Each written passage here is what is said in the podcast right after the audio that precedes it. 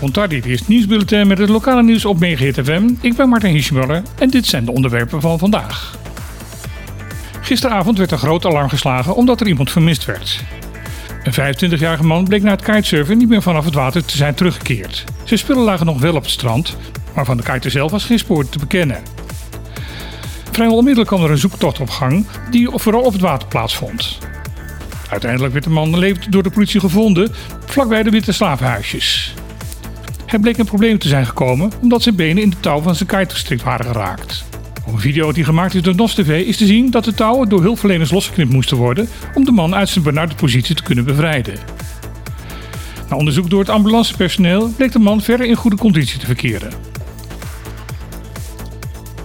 Na de eerste schrik over de gevreesde koraalziekte Skittle D is er nu misschien reden voor een beetje optimisme. In een brief aan de duikoperators op het eiland laat natuurorganisatie Tinapen weten niet helemaal zeker te zijn of de geconstateerde symptomen op het koraal bij de duikplek Carpata ook echt veroorzaakt zijn door Skittle D. Afgelopen week hebben de medewerkers van Tinapa de gehele westkust nauwlettend in de gaten gehouden, geholpen door honderden foto's die door duikers waren ingestuurd. Uit onderzoek blijkt dat de verschijnselen die lijken op de gevreesde koraalziekte op dit moment alleen worden aangetroffen op enkele koralen bij de twee riffen rondom duikplek Carpata omdat de ziekte zich niet verder lijkt te verspreiden, is er hoop dat het hier niet gaat om de zeer besmettelijke Skyttle maar om een zeer agressieve vorm van de witte pest, een koraalziekte die al veel langer voorkomt op de riffen rondom Bonaire en die veel minder besmettelijk is. Uit voorzorg zijn ondertussen de aangetaste stukken koraal verwijderd, blijft duikstart Carpato gesloten en vraagt Stinapa alle duikers om de aanbevolen ontsmettingsprotocols voorlopig te blijven volgen. Bestuurders van auto's, motoren en scooters op Bonaire hebben moeite om zich aan de regels te houden.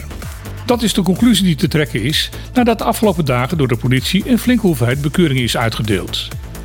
Zo zijn de bonnen uitgeschreven voor het rijden zonder geldige verzekeringsdocumenten of rijbewijs, het rijden op een motor of scooter zonder helm, het vasthouden van een telefoon tijdens het rijden of het rijden zonder autogordel. De mobiele telefoon wordt daarbij niet alleen gebruikt om te bellen, maar ook om bijvoorbeeld WhatsApp-berichten te kunnen lezen of te schrijven erg gevaarlijk volgens de politie, omdat op zulke momenten te weinig aandacht gegeven kan worden wat er op de weg gebeurt. De hoeveelheid bekeuringen voor het niet hebben van de juiste documenten doet vermoeden dat het percentage van de Bonaireaanse bevolking dat illegaal een voertuig bestuurt waarschijnlijk behoorlijk hoog zal zijn. Een zorgelijke constatering.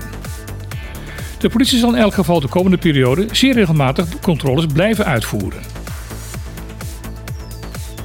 In 2020 was 16% van de Arubaanse bevolking afkomstig uit Venezuela.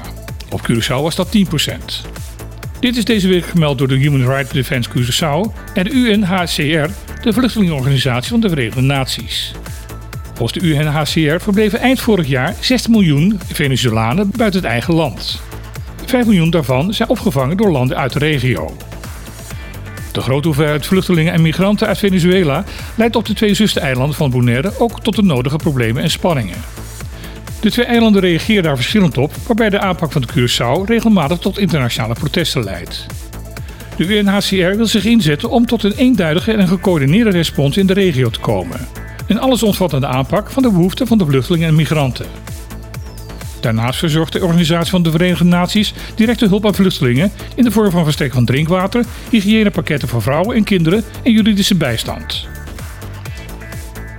Dit was weer het lokale nieuws van vandaag. Wij wensen u nog een fijne dag en graag tot morgen.